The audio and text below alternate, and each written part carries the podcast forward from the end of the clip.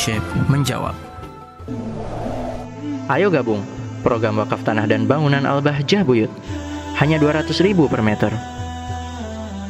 Assalamualaikum warahmatullahi wabarakatuh. Waalaikumsalam warahmatullahi wabarakatuh. Afan Abah kami izin bertanya. Diceritakan pada sebuah kisah, berpakaianlah yang bagus dan layak dengan niat dan tujuan agar terhindar dari pembelian orang lain. Sedangkan kita di sini sebagai panutan untuk santri. Jika kita memakai baju bagus dan layak, dikhawatirkan anak-anak santri juga akan mengikuti kita. Di sisi lain, jika kita memakai pakaian yang biasa saja, dikhawatirkan akan meniru juga anak-anak santrinya. Bagaimana sikap kita sekarang Abah? Sukron, wassalamualaikum warahmatullahi wabarakatuh. Waalaikumsalam warahmatullahi wabarakatuh. Sok pakai baju apa pun, tapi peraturan secara umum dalam syariat Islam adalah baju itu yang penting menutup aurat. Baju itu yang penting menutup au aurat. Bagus itu relatif, nak. Siapa yang make? Kalau orang yang mengutamakan hidup sederhana, bagus itu adalah bersih, rapi. Bukan harus bermerek mewah. Tapi kalau orang kaya raya yang suka foya-foya, bagus itu bermerek me mewah. Makanya bagus itu relatif. Iya kan? Ada orang masya Allah kainnya tipis sekali. Hanya di Tegal Gubuk beli gelundungan itu.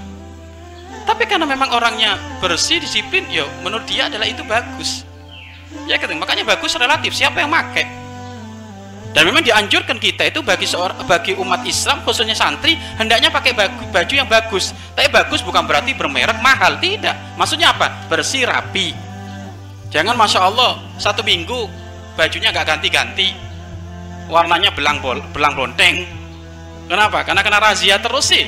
Ya kan biarin itu. Yang kena razia bajunya biarin, jangan dikasih itu, biar kapok itu. Ya? Yang keleleran jangan dikasih bajunya itu, biarin. Sampai akhirnya dia menjadi wali kumel ya kan? Majedub ya kan? Karena bajunya nggak mau ganti-ganti hanya itu saja. Ya? Jadi benar itu. Memang harus. Sayyidina Hasan bajunya wah. Sayyidina Hasan bajunya wah. Kenapa bajunya beliau wah karena beliau nggak pengen dikasihani oleh siapa pun. Tetapi di saat dibuka kaosnya ternyata kaosnya Sayyidina Hasan adalah kaos yang tidak layak dipakai oleh siapa pun. Compang camping. Kata Sayyidina Hasan apa?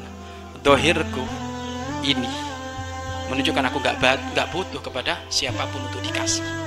Tapi dalamku adalah dalamanku ya ini ala kadarnya. Ya, ala kadar adatnya seorang ustadz seorang kiai harus menjadi panutan dong. Bajunya adalah baju yang rapi yang bagus. Jangan santunya mobrok mobrok ya kan topinya miring-miring. Wah Waalaikum ini kan gak enak. Ya kan? Gak usah kalau ternyata kayak gitu ya jangan. Santri itu harus ibarat Rasulullah itu boys kok. Kalau bahasa sekarang itu kan boys iya kan? Maksudnya sudah ganteng megaya lagi. Oh ini sudah pas-pasan. Hancur ya kan? Rasulullah itu kalau setiap beliau ke mana-mana itu tangannya dimasukkan ke baskom dianukan ke rambutnya kemudian sisiran siwakan. Kan maksudnya apa? Bersih rapi. Makanya bagus itu identik dengan bersih rapi. Bukan bagus bermerek mewah. Bukan. Kalau bagus bermerek mewah itu gaya-gayaan sombong-sombongan itu. Harus itu. Ya kan? Bagus harus.